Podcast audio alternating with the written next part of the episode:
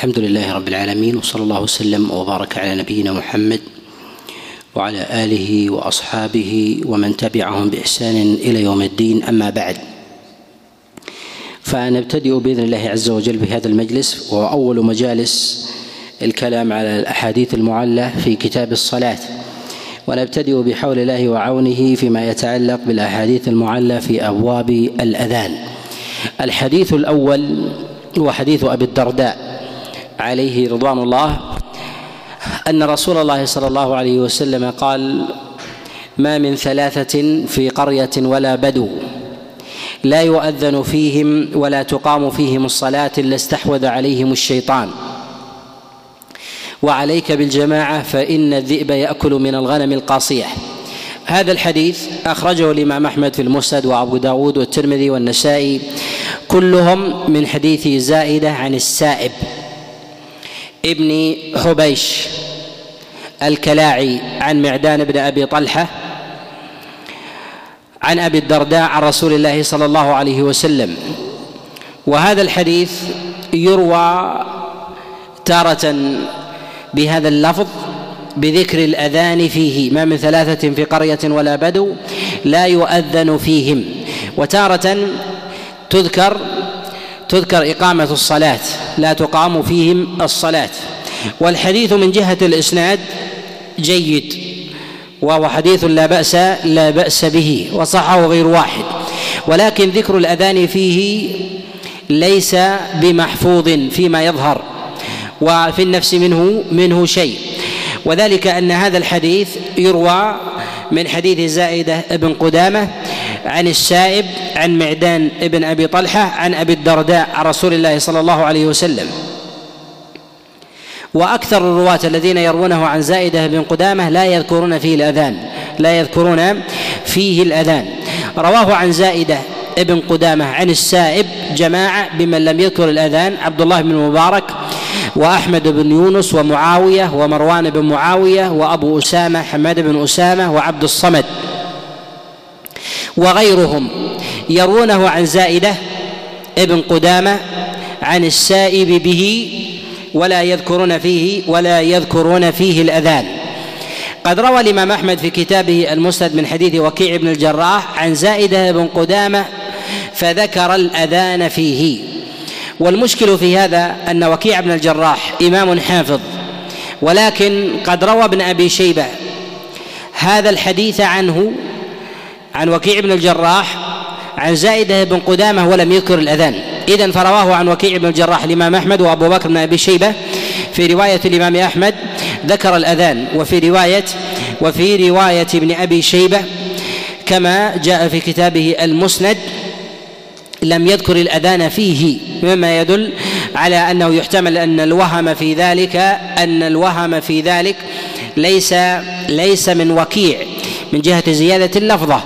وإنما هي ممن ممن يروي عنه يروي عنه وكيع. وقد روى الإمام أحمد في كتابه المسند رواية وكيع بن الجراح في بعض المواضع وقرنها برواية عبد الرحمن بن مهدي وذكر الأذان فيه. ولا يقطع أن عبد الرحمن بن مهدي قد وافق وكيع في روايته هذه. ويحتمل أن الإمام أحمد رحمه الله قد قدم رواية وكيع وقرن رواية عبد الرحمن بن مهدي بها على التغليب في الموافقة في أكثر اللفظ. والذي يظهر والله أعلم أن ذكر الأذان ليس في حديث وكيع ليس في حديث وكيع وربما وكيع بن الجراح سمعه سمعه أكثر من مرة من زائدة تارة بذكر الأذان وتارة بغير ذكر الأذان. والعلة في ذلك فيما يظهر أنها من السائب من السائب ابن حبيش الكلاعي. والسائب بن حبيش شامي مقل الرواية مقل الرواية وحديثه وحديثه مستقيم. تفرد أهل الشام يا أنس في مثل هذا الحديث؟ يقبل أو لا يقبل؟ الأصل أنه يقبل ما لم يخالف. ما لم ما لم يخالف فيه. وأنس أنت شامي. والحديث لا يعل في مثل هذا في مثل هذا السياق بالشاميين. والسائب مقل الرواية لا يعرف من روى عنه إلا زائدة. وروى عنه حفص بن عمر الأنصاري. حفص بن عمر بن رواحة الأنصاري كما رواه عنه غير واحد كما أسند ذلك ابن عساكر في تاريخ دمشق. وهذا يدل على أن السائب من المقلين في الرواية. قال الإمام أحمد عليه رحمة الله لا أعلم يروي عنه إلا إلا زائدة. ونص على هذا أيضا الدار قطني كما في سؤالات البرقاني. له فقد سأله عن السائب فقال لم يروي عنه لم يروي عنه إلا زائدة ابن قدامة. ولكن قد روى عنه غيره روى عنه حفص بن عمر بن رواحة الأنصاري كما عند ابن عساكر في تاريخ في تاريخ دمشق.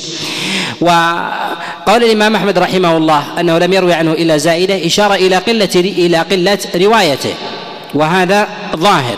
وقلة الرواية من الراوي تضعف جانب الصبر لدى الأئمة تضعف جانب الصبر لدى الأئمة. جانب الصبر لدى الأئمة هو أن ينظروا ويتأملوا في مرويات الراوي ثم يحكموا عليها في موافقته لمتون الآخرين. وإذا كان راوي من المقلين ولا يروي عنه إلا واحد واثنين فهذا يجعل الأئمة يتوقفون. ولهذا سأل عبد الله بن أحمد أباه عن السائب فقال لم يروي عنه إلا زائدة. فقال هو ثقة. قال لا أدري. قال لا أدري. والإمام أحمد رحمه الله في قوله لم يروي عنه إلا زائدة يعني أنه سبر سبر تلامذته ولم يروي عنه إلا إلا فلان. ولكن الأئمة في الرواة المقلين لا يوثقونهم ما استقام المتن. هذا المتن مستقيم. هذا المتن مستقيم. ولكن خشية أن يكون ثمة حديث آخر جاء بمثل هذا الإسناد جاء بمثل هذا الإسناد أو جاء بغيره عن هذا الراوي فيحمى ذلك التو ذلك التوثيق على على غيره على المثل الذي الذي يستنكر فيقال إن الأئمة قد وثقوا ذلك الراوي لهذا يحتاط الأئمة في المقلين. وهذا عند الإمام أحمد رحمه الله في غير العراقيين في غير العراقيين. أما العراقيون فالإمام أحمد رحمه الله في من لم يروي عنه إلا واحد هو أبصر بحديثهم وأظهر في أبواب الإحاطة فيوثق الراوي ولو كان مقلا ولو كان مقلا لم يروي عنه إلا واحد. وقد جاء هذا في غير واحد ممن وثقه من أهل الكوفة وكذلك البصرة. ولكن لما كان بعيدا من جهة المنزلة وليس أيضا من المعروفين بالرواية والمشهورين. لهذا أمسك الإمام أحمد رحمه الله عن توثيقه. وقد وثقه غير واحد كابن حبان وكذلك العجلي. ولكن إنما كلامنا هنا على عدم شهرته على عدم شهرة روايته. وإذا كان لم يشتهر والرواة عنه من الثقات زائدة بن قدامة ويروي هو عن معدان بن أبي طلحة وأشهر مروياته عن معدان. وله شيخ آخر وهو أبو الشماخ الأزدي وهو أيضا من المجهولين وهو من المجهولين وهو شامي أيضا. وتفرده في روايته تفرد السائب في تفرد لهذا الحديث محتمل. لأن هذا الحديث الأصول قد دلت عليه الأصول قد دلت عليه في وجوب الجماعة ووجوب إقامتها. لكن مسألة الأذان أن الجماعة إذا لم يؤذنوا وأقاموا الصلاة استحوذ عليهم استحوذ عليهم الشيطان هذا مما يقال بأنه تفرد به السائب تفرد به السائب وأكثر الرواة على عدم على عدم قبول قبول على عدم ذكر هذه الزيادة فيه كما تقدم الكلام معنا في هذا. فالذين رووه عن زائدة بن قدام ممن لم يذكروا لفظة الأذان عبد الله بن مبارك وأحمد بن يونس ومروان بن معاوية ومعاوية وأبو أسامة حماد بن أسامة وعبد الصمد وغيرهم. وهؤلاء لم يذكروا لم يذكروا الأذان وحديثهم في ذلك أرجح. ووكيع بن الجراح وإن كان قد ذكر الأذان فله رواية أخرى لا يذكر فيها. لا يذكر فيها الأذان. وهذا الحديث وحديث السائب إنما حملنا فيه السائب لأن السائب هو أقرب الرواة في الإسناد إلى إلى الجرح. أقرب الرواة في الإسناد إلى الجرح. ولا نستطيع أن نجرح الأئمة الذين لم يذكروا هذه اللفظة باعتبار أنهم أئمة ورواة كثر ولا الذين ذكروها عنه لجلالة قدرهم لجلالة لجلالة قدرهم. وهذا الحديث قد جاء بغير ذكر بغير ذكر الأذان. رواه رواه حفص بن عمر الأنصاري يرويه عن السائب عن معدان بن أبي طلحة عن أبي الدرداء ولم يذكر الأذان. الأذان فيه وهذا يدل على رجحان تلك الرواية. كذلك أيضا قد جاء هذا الحديث من وجه آخر من حديث عبادة ابن نسي يرويه عن معدان عن أبي الدرداء ولم يذكر الزيادة ولم يذكر الزيادة فيه مما يدل على أن مما يدل على أن هذه مثل هذه الزيادة مما يتوقف فيها العلماء بالتصحيح ما يتوقف فيها العلماء بالتصحيح. وهنا قاعدة في الرواة المقلين. الرواة المقلون إذا تأخروا طبقة أو بعدوا مكانا عن معاقل النبوة ونزول الوحي هؤلاء مما يحتاط في زياداتهم ومفاريدهم في زياداتهم ومفاريدهم. وكلما تأخر الراوي منهم طبقة كان أقرب كان أقرب إلى إلى الجرح. كان أقرب إلى إلى الجرح. ويدل على أن السائب ابن أبي حبيش ليس بمعروف بالرواية عند الأئمة أن عبد الرحمن بن مهدي وهم في اسمه وهم في اسمه. كما ذكر ذلك الإمام أحمد رحمه الله كما نقله عنه ابن عبد الله أنه قال حدث عبد الرحمن بن مهدي في هذا الحديث عن زائدة عن السائب قال ابن حنش ووهم فيه. الرواة إذا كانوا من المشهورين إذا كانوا من المشهورين لا يخطئ الناس في أسمائهم. وإذا كانوا من المقلين من المقلين يخطئ الناس بأسمائهم. والذي أخطأ هنا ليس بأدنى الناس والرواة بل هو عبد الرحمن بن مهدي من أبصر الأئمة بالرجال. من أبصر الأئمة الأئمة بالرجال وهو عراقي. وهو وهو عراقي. وقريب من وقريب من بلد من بلد السائب. فأخطأ باسمه دليل على أنه دليل على أنه لا يروي لا يروى لا تروى عنه الأحاديث الأحاديث بكثرة. ومنهم من يعدل السائب ويوثقه من وجه أن زائدة ابن قدامة من الثقات. الرفعاء ولكنه لا يحدث أحدا إلا قد إلا وقد سأل عنه. فإذا كان من الثقات حدثه إذا كان من الثقات حدثه. وإذا كان ليس من الثقات لم يحدثه إذا كان صاحب سنة آه، حدثه. وهذا يقول به بعض العلماء أن زائدة بن قدامة تلاميذه معدلون تلاميذه معدلون. لتشدده بالتحديث للتلاميذ بخلاف بخلاف غيره. نقول الإمام أحمد رحمه الله حينما توقف عن توثيق السائب مع علمه بوجود زائدة ولهذا لما سأله ابنه عن السائب قال لم يروي عنه إلا زائدة قيل أثقة هو قال لا أدري لا أدري. إذا فهو يعلم أن الذي روى عنه وتفرد بالرواية عنه زائدة. فنقول أن الرجل قد يكون صاحب سنة أو قد يكون ثقة في دينه ولكن من جهة الرواية ولكن من جهة الرواية والضبط فيه فيه ضعف. والراوي لا يظهر حفظه وضبطه للمرويات إلا بكثرة بكثرة مروية. والشام هي من بلدان من بلدان الأحاديث والرواية. ومع ذلك لم يروي إلا عن معدان وعن ابي الشماخ الأزدي ولم يروي عنه إلا زائده وحفص بن عمر الأنصاري. وهذا يدل على أنه ليس من المشهورين المعروفين المعروفين بالرواية. لهذا نقول إن ذكر الاذان إن ذكر الأذان في حديث أبي الدرداء ليس بمحفوظ. في حديث أبي الدرداء ليس ليس بمحفوظ والحديث والحديث جيد. ويعضد هذا ويؤكده أن الحديث هذا قد جاء من حديث عبد الله بن عمر.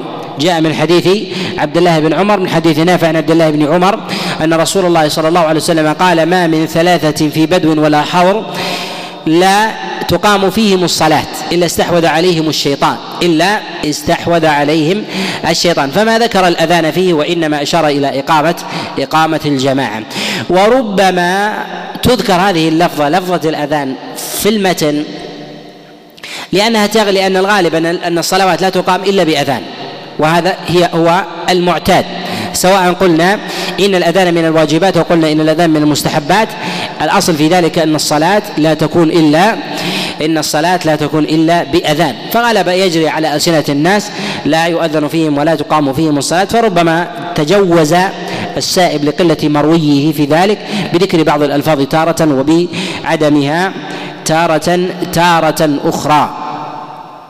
وهذا لا يطعن في أصل الحديث لاشتهاره وكذلك صحة صحة إسناده وعدم وجود مطعن وعدم وجود مطعن فيه. ومن الأمور التي ينبغي أن تضبط في مسألة الرواة في الرواة المقلين الذين لا يرون إلا عن واحد أو اثنين أنه ينبغي أن ينظر كما ننظر إلى الذين يروون عنه الذين الذين يروي عنهم هذا الراوي أن ينظر إلى التلامذة. فالتلامذة لهم أثر على الراوي المجهول. فربما كان ذلك من الرواة الذين لا يحدث إلا عن ثقة وينظر أيضا إلى كون ذلك الراوي بلدي له كون ذلك الراوي بلدي له المقل المجهول في بلد إذا روى كهذا مثلا الحديث الحديث يرويه شامي عن شامي عن شامي أليس كذلك؟ هذا أصح أم إذا روى مدني عن شامي مقل الرواية عن شامي. أيها أقوى. نعم. اتحاد البلد أقوى. لماذا؟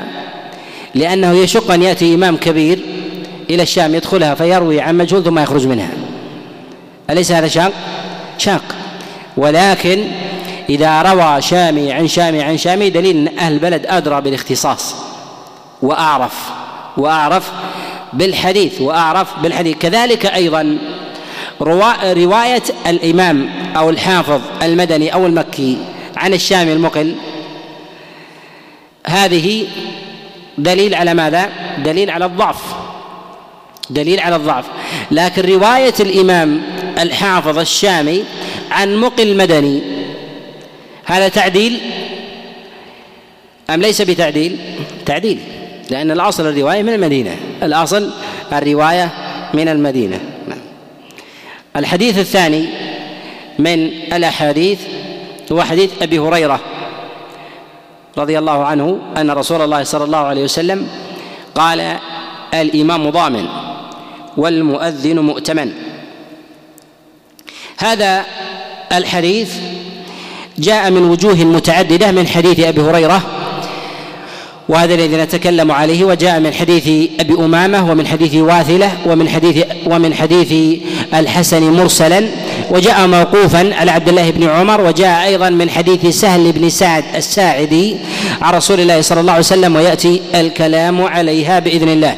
أولها حديث أبي هريرة. حديث أبي هريرة رواه الإمام أحمد وأبو داود وغيرهم. من حديث الأعمش عن أبي صالح عن أبي هريرة. عن رسول الله صلى الله عليه وسلم أنه قال الإمام ضامن والمؤذن مؤتمن. هذا الحديث ظاهر الإسناد لأول وهلة الصحه فالأعمش إمام ويروي عن أبي صالح وأبو صالح ممن أكثر عنه الأعمش وهو من شيوخه. وأبو صالح أيضا من خاصه وتلامذة أبي هريرة. ولكن هذا الحديث لا يصح. ولكن هذا الحديث لا يصح. وذلك للانقطاع بين الأعمش وبين أبي صالح. ومع كون أبي صالح شيخا للأعمش إلا أنه لم يسمع هذا الحديث الحديث منه. روى أصباط بن محمد وأبو بدر شجاع بن الوليد ومحمد بن الفضيل هذا الحديث عن الأعمش. قال حدثت عن أبي صالح عن أبي هريرة. ورواه جماعة ولم يذكروا فيه صيغة السماع. رواه جماعة ولم يذكروا فيه صيغة السماع بين الأعمش وأبي صالح. وإنما ذكروه بعن والأعمش فيه تدليس. الأعمش فيه تدليس.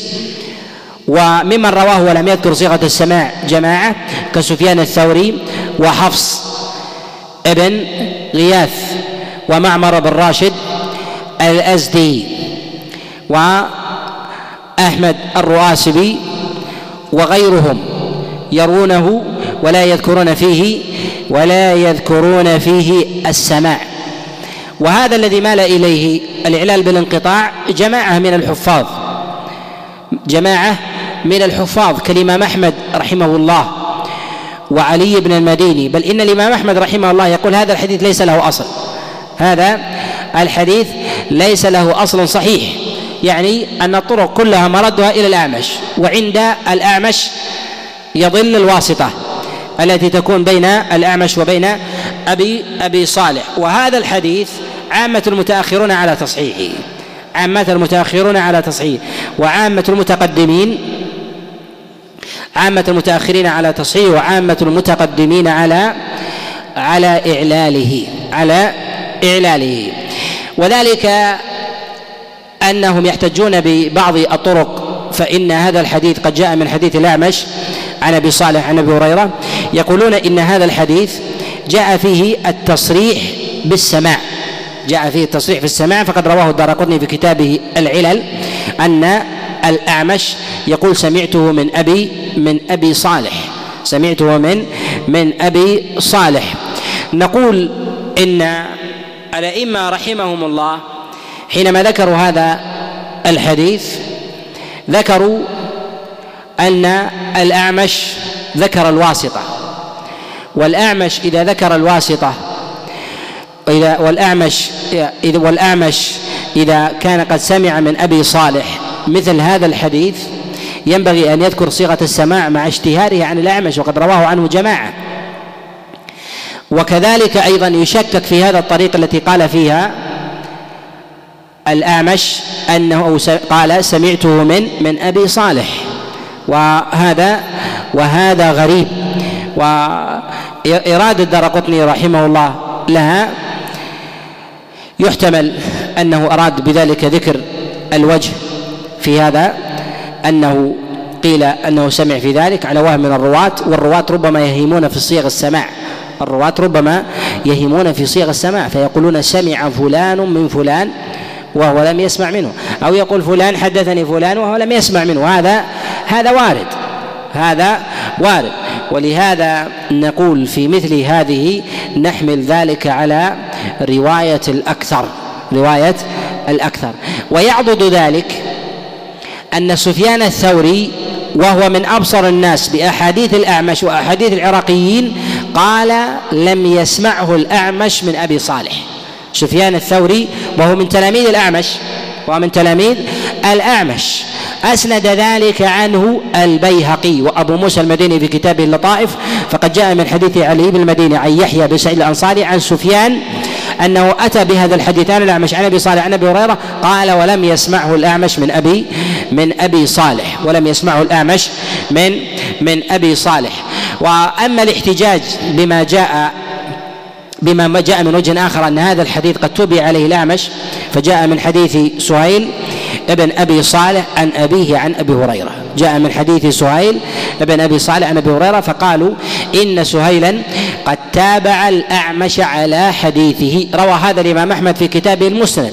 نقول إن هذه المتابعة وهم وغلط. هذه المتابعة وهم وغلط. والصواب أن سهيل وإن روى عن أبيه إلا أنه لم يسمع هذا الحديث من أبيه إنما سمعه من الأعمش فرجع إلى الأعمش. نص على هذا الإمام أحمد رحمه الله وكذلك البيهقي. نص على هذا الإمام أحمد رحمه الله والبيهقي.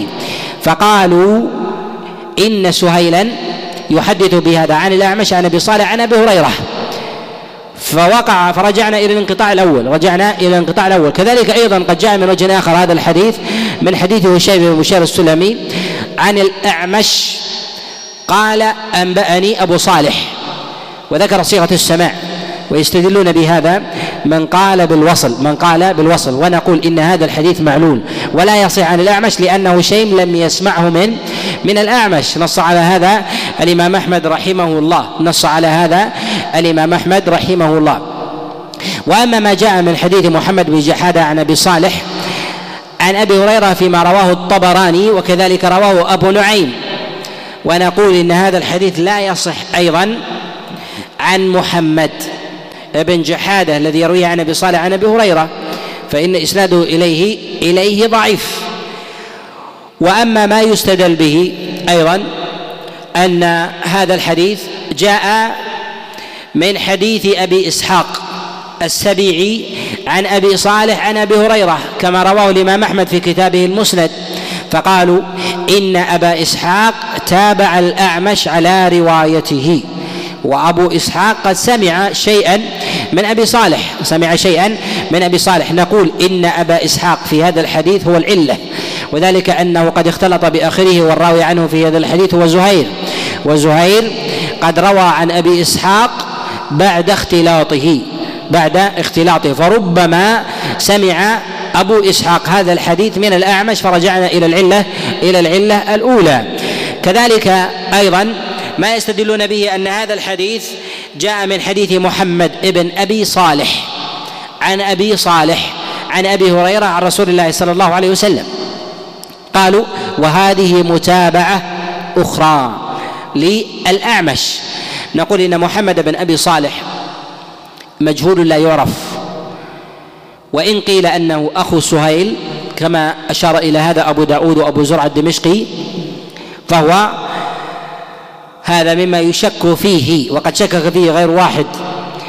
وإن كان أخوه أيضا إلا أنه لا يعرف لا يعرف بالحديث وفي عداد المجهولين. وقد اختلف فيه هل هو هو أم غيره. وعلى كل فهو فهو ضعيف ولكن هذا الحديث الذي يرويه محمد بن أبي صالح عن أبي صالح لا يرويه عن أبي هريرة وإنما يرويه عن عائشة فجعله من مسند عائشة وهذا وهذا اختلاف في الإسناد. الأعمش يرويه عن أبي صالح عن أبي هريرة ومحمد بن أبي صالح يرويه عن أبي صالح عن عائشة واختلف العلماء في هذه الوجوه. اختلف العلماء في هذه الوجوه أيها أصح. ذهب أبو زرعة وأبو حاتم إلى أن الأصح حديث أبي هريرة وكلمة صح لا يعني الصحة كلمة صح لا يعني الصحة وإنما نعني أن وجه الحديث الذي يروى عن أبي صالح عن أبي هريرة أصح من الحديث الذي يروى عن أبي صالح عن عائشة. وذهب البخاري إلى أن حديث أبي صالح عن عائشة أصح أصح. وذهب الإمام أحمد رحمه الله عليه بالمدينة إلى أنه لا يصح الحديث بكله. بوجوهه كلها. قد نقل الترمذي في كتابه السنن هذا عن علي بن المديني ونقله أيضا البيهقي وكذلك عبد الله بن أحمد عن الإمام أحمد أنه ليس ليس له أصل أصل صحيح. ولو صححنا الحديث عن أبي صالح عن عائشة أو عن أبي صالح عن أبي هريرة فالحديث من حديث الأعمش عن أبي صالح في الانقطاع موجود. فالانقطاع موجود على أي الوجهين فيبقى الترجيح في أي الوجهين في أي الوجهين أرجح. وعامة الأئمة من الحفاظ على ترجيح حديث أبي هريرة على حديث عائشة. كما مال إلى هذا كما مال إلى هذا أبو حاتم وأبو زرعة وابن خزيمة وكذلك العقيلي كما في كتابه الضعفاء وغيرهم. إلى أن الأرجح إلى أن الأرجح في ذلك حديث إلى أن الأرجح في ذلك هو حديث أبي صالح عن أبي هريرة عن رسول الله صلى الله عليه وسلم. على هذا نقول إن حديث أبي هريرة حديث ضعيف. حديث أبي هريرة حديث ضعيف. جاء هذا الحديث من وجوه أخرى. جاء عند ابن ماجه في كتابه السنن من حديث عبد الحميد بن سليمان وهو أخو فليح بن سليمان عن أبي حازم عن سهل بن سعد الساعدي عن رسول الله صلى الله عليه وسلم. قال الإمام ضامن والمؤذن مؤتمن. وهذا الحديث منكر. قال الإمام أحمد رحمه الله ما سمعنا بهذا. يعني بهذا الوجه. وعبد الحميد ضعيف الحديث جدا. وقد تفرد به من هذا الوجه. وقد تفرد به من هذا الوجه. وجاء من حديث أبي أمامة كما رواه الإمام أحمد وغيره من حديث أبي غالب عن أبي أمامة عن رسول الله صلى الله عليه وسلم. الإمام ضامن والمؤذن مؤتمن. وهذا الحديث تفرد به أبو غالب في روايته عن أبي أمامة.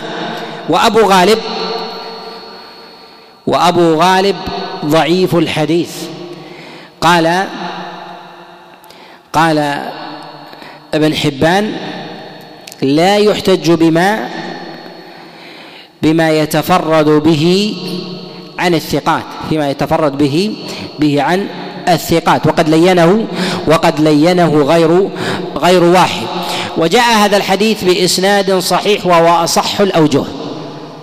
من حديث الحسن البصري مرسلا عن رسول الله صلى الله عليه وسلم وهو صحيح مرسل والمرسل ضعيف والمرسل والمرسل ضعيف.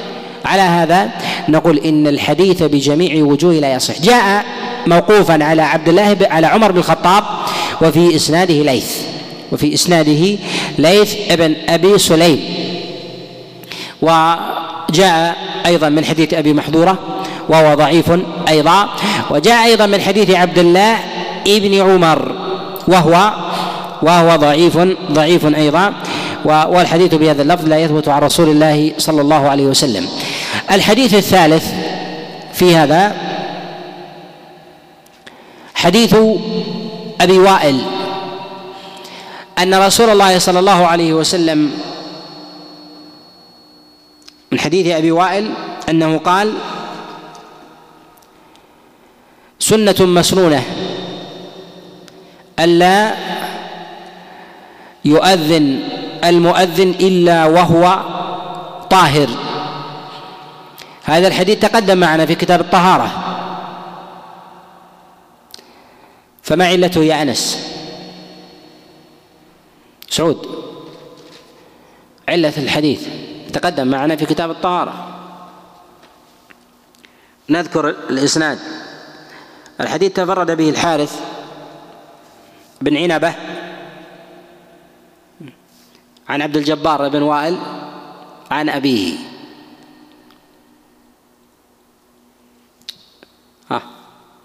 عبد الرحمن. نعم؟ نعم أحسنت. تفرد به الحارث. تفرد به الحارث عن عبد الجبار بن وائل. وهو متكلم فيه. كذلك أيضا فإن عبد الجبار بن وائل لم يسمع من أبيه كما قال ذلك غير واحد. كما نص على هذا ابن معين وغيره. وجاء هذا الحديث عن رسول الله صلى الله عليه وسلم من حديث عبد الله بن عباس.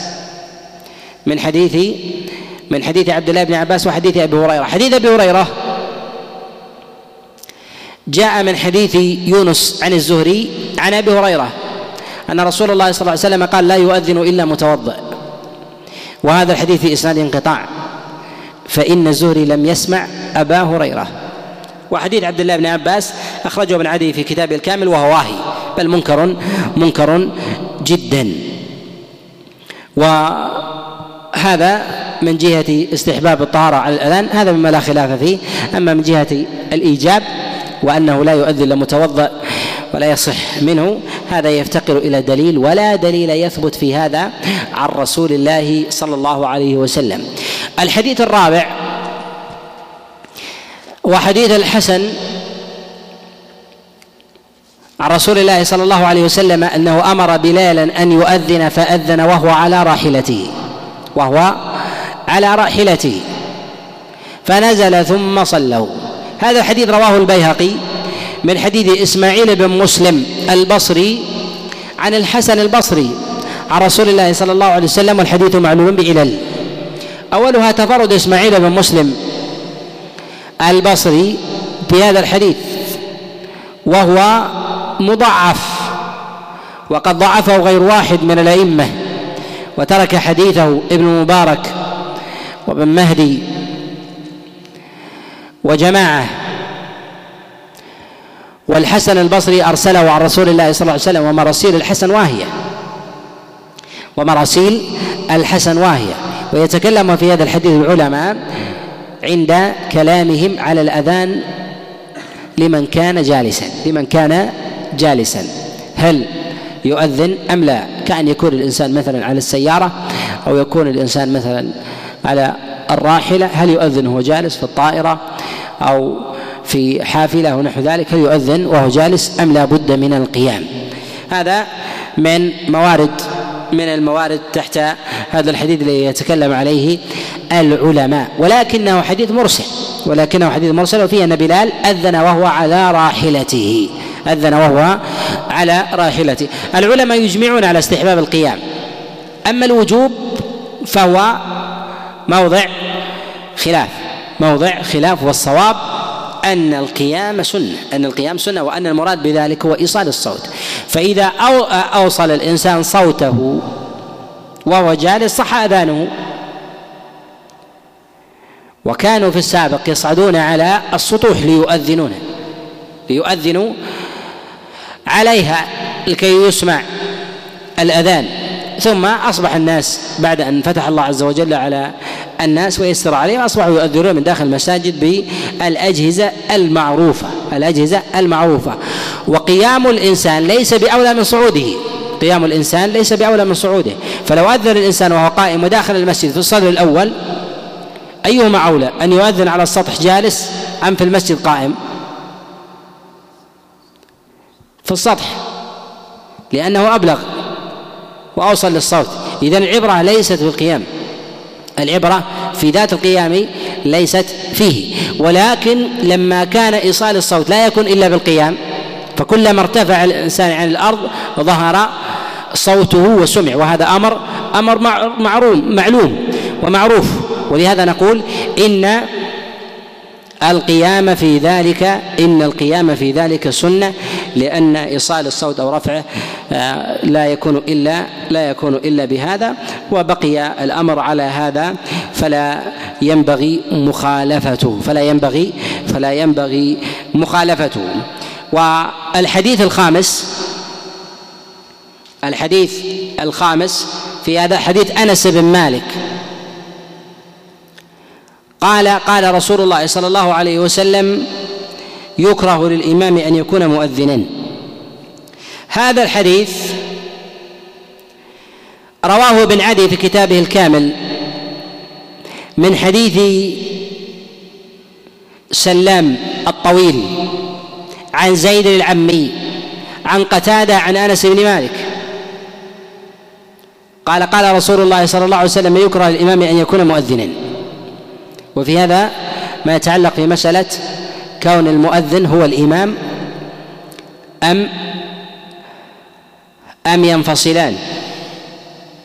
نقول هذا الحديث أو هذه المسألة لا يثبت فيها بالنص شيء عن رسول الله صلى الله عليه وسلم وإنما يثبت في ذلك العمل وإنما يثبت يثبت في هذا العمل.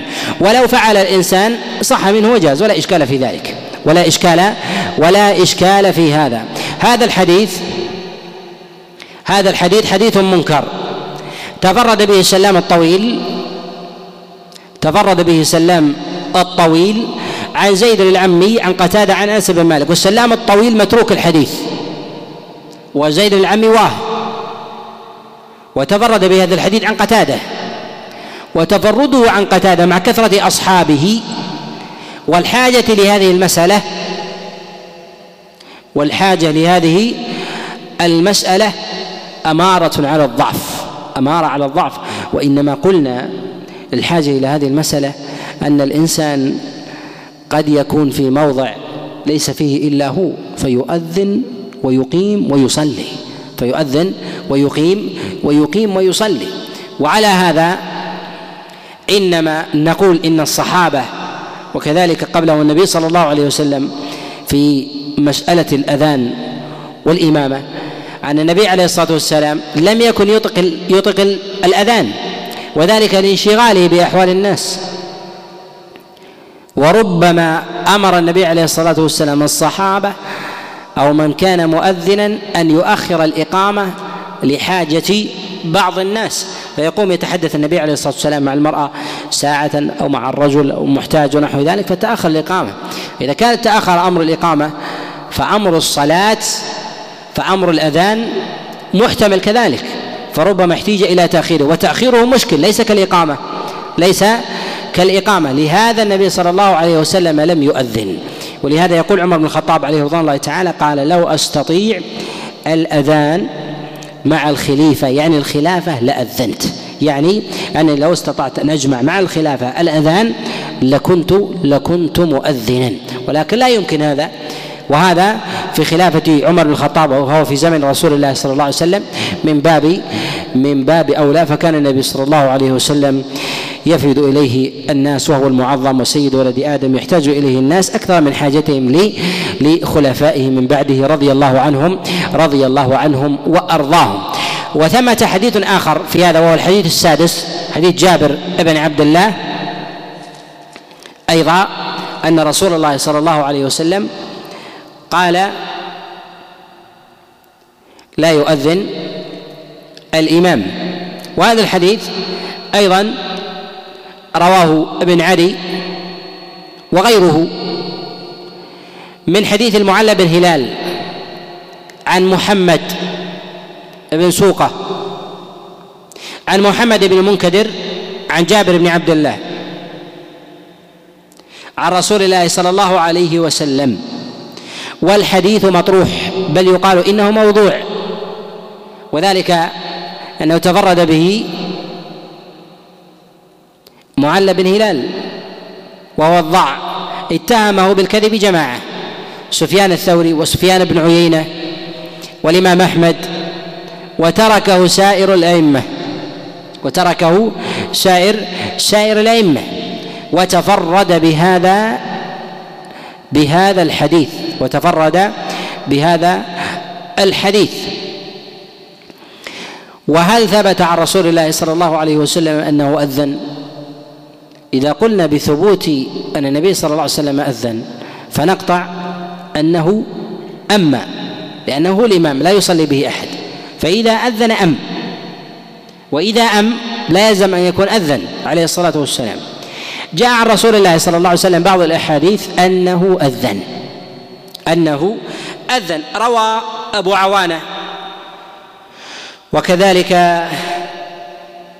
ابن شاهين وغيرهم. من حديث عامر بن شراحيل الشعبي عن عبد الله بن زيد. أن رسول الله صلى الله عليه وسلم أذن وهذا أو أنه سمع أذان رسول الله صلى الله عليه وسلم. هذا الحديث ضعيف.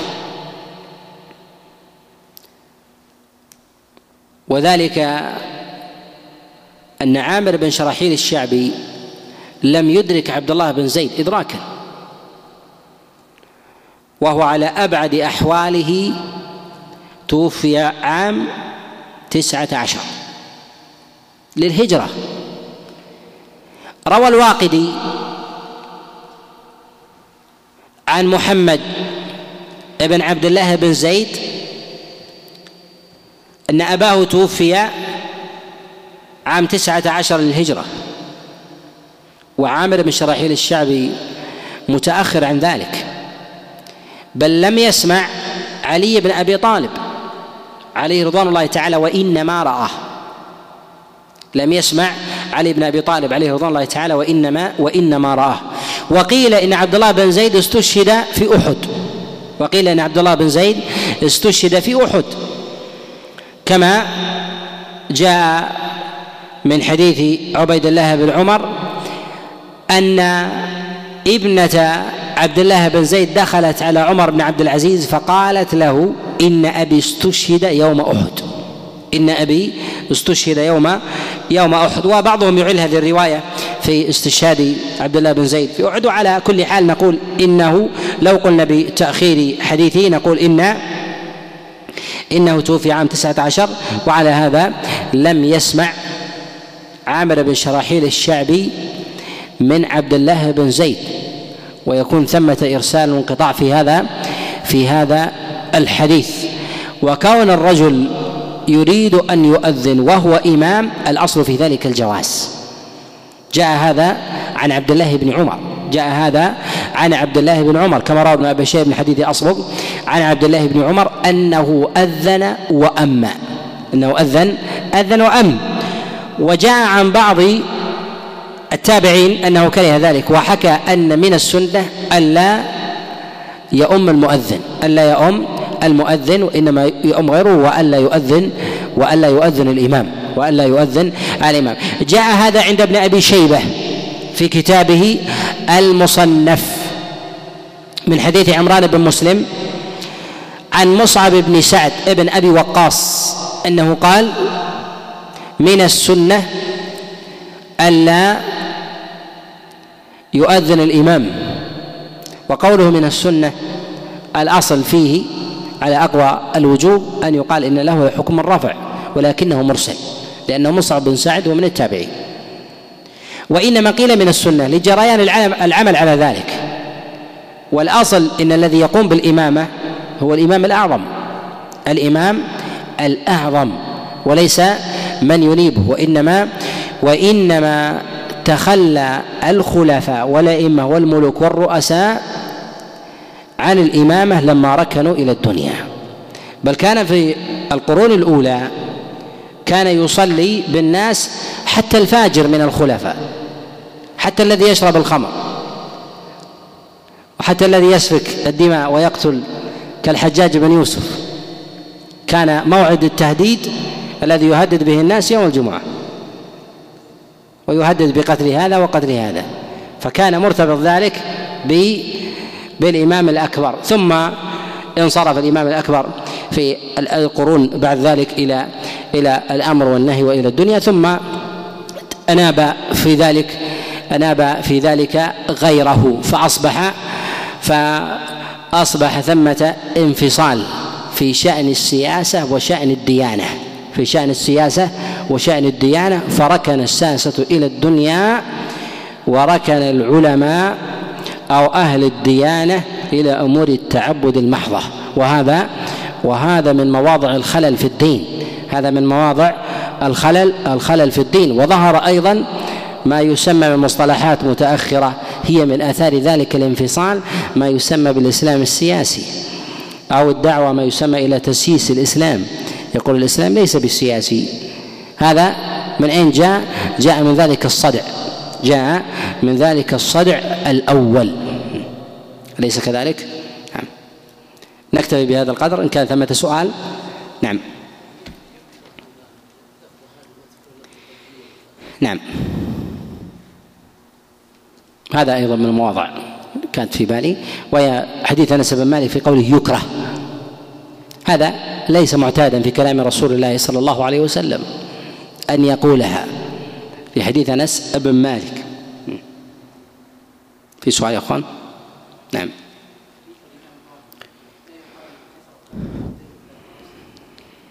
لا. ما هي الطرق؟ حديث أبي هريرة كله يرجع إلى وجه واحد ويتفرع عنه.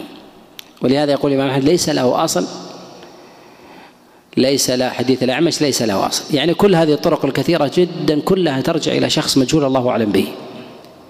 وأما ما عدا ذلك في الأحاديث الأخرى في حديث المرسل الحسن البصري مراسيله واهية وله شيوخ مجاهيل لهذا يتقي العلماء حديثه. كذلك أيضا حديث أبي أمامة في أبو غالب ولا يقبل المتابعة فيما يرويه. نعم. يقول الأعمش عن أبي صالح. الأعمش عن أبي صالح الأصل في روايته القبول. الأصل في روايته القبول.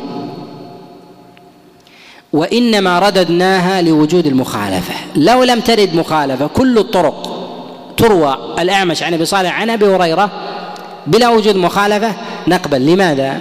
لأنه من المكثرين. الأعمش من المكثر. المدلس إذا كان من المكثرين. عن شيخ تغتفر روايته ولو لم يصرح بالسماع. لماذا؟ لأن المتن مستقيم. المتن المتن مستقيم. حديث الإمام ضامن والمؤذن مؤتمن. من جهة المعنى صحيح. لكن توسع الفقهاء بالاستدلال وجعلوا هذا الحديث عمدة. في مسائل لا يظهر أنها مقصودة باللفظ. من هذه المسائل؟ يقولون إن الإمام إذا صلى بالناس وترك المأموم الفاتحة أو القراءة. أنه يتحمل عنه كل شيء سواء كانت صلاة جهرية أو غيره. بل توسع بعضهم قال حتى لو ترك ركنا ساهيا. وهذه أقوال شاذة يعتمدون على مثل هذه الألفاظ. لهذا يتوسع بعض المتأخرين بالاستدلال ببعض الألفاظ المروية عن رسول الله صلى الله عليه وسلم ويتساهل العلماء الأوائل في إمرار هذه الأحاديث وعند التوسع فيها ينبغي أن يشدد. واضح؟ نعم. يقول أيهما أفضل الإمامة أو الأذان؟ الأفضل الأذان. لم يثبت عن النبي صلى الله عليه وسلم حديث في فضل الإمامة. وإنما الثابت عن النبي عليه الصلاة والسلام في فضل الأذان. والأحاديث في هذا كثيرة ويكفي أن النبي صلى الله عليه وسلم يقول مؤذننا أطول أعناقا يوم القيامة. نعم. يقول لو فصلتم في حال الأعمش. الأعمش وسليمان بن مهران الأعمش وهو عراقي من أئمة العراق ومن أئمة الرواية. والأعمش لم يسمع أحدا من أصحاب رسول الله صلى الله عليه وسلم. وهو من أواخر الطبقة الخامسة أو من أوائل الطبقة السادسة. قيل إنه رأى انس بن مالك والصواب أنه لم لم يسمع منه منه شيئا. لم يسمع منه شيئا. فما يرويه فهو في عداد في عداد المراسيل. وعلى هذا نقول إن ما يرويه عن رسول الله عن أصحاب رسول الله صلى الله عليه وسلم فهي منقطعة. وفيه نوع نوع تدليس. وفيه نوع تدليس. لهذا العلماء يقسمون روايته في أبواب التصريح بالسماع إلى إلى أقسام. منها ما يرويه عن المكثرين بالمكثر الذين الذين يكثر بالأخذ عنهم. فهؤلاء تغتفر الروايات ما استقام المتن ولم يكن ثمة مخالفة. الأمر الثاني ما يروي عن المقلين ما يروي عن المقلين. فهذا مما يشدد فيه العلماء يتشدد فيه العلماء ويحتاطوا الأمر الثالث ما يرويه عمن أكثر بالأخذ عنه ولكن ثمة مخالفة. ثمة مخالفة أو شك في السماع. أو كذلك أيضا عدم استقامة في المتن. فهذا يطلب فيه التصريح بالسماع كما في حديث الأعمش هنا في روايته عن أبي صالح عن أبي هريرة لوجود الاختلاف والأصل في ذلك الأصل في ذلك القبول. هناك من الأئمة ممن يعتنون بروايات الأعمش من جهة ثبوت السماع كسفيان الثوري. كسفيان الثوري. هؤلاء من أوثق أصحاب الأعمش وأعلم الناس بحديثه وكذلك أدرى الناس بمسموعاته. ومعلوم أن الأعمش أيضا ممن يشدد بالتحديث ويتقي أيضا التلاميذ. نعم.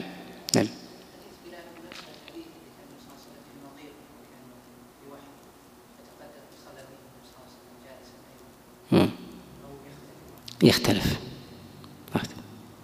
نعم.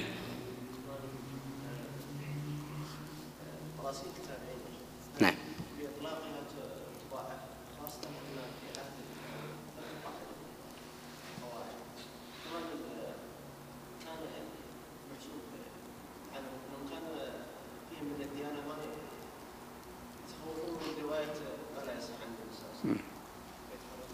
يقول مراسيل التابعين